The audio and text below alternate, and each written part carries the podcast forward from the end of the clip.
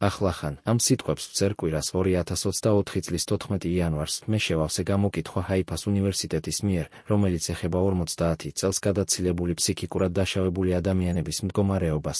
მე ვარ 51 წლის.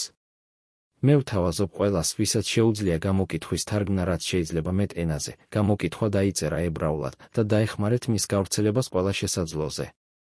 პლატფორმა საზოგადოების ცნობიერების ამაღლების მიზნით იმ უნიკალური სირთულეების შესახებ, რომელთა წინაშეც დგას ეს მოსახლეობის ჯგუფი. საუკეთესო სურვილებით. ასაფ ბენიამინი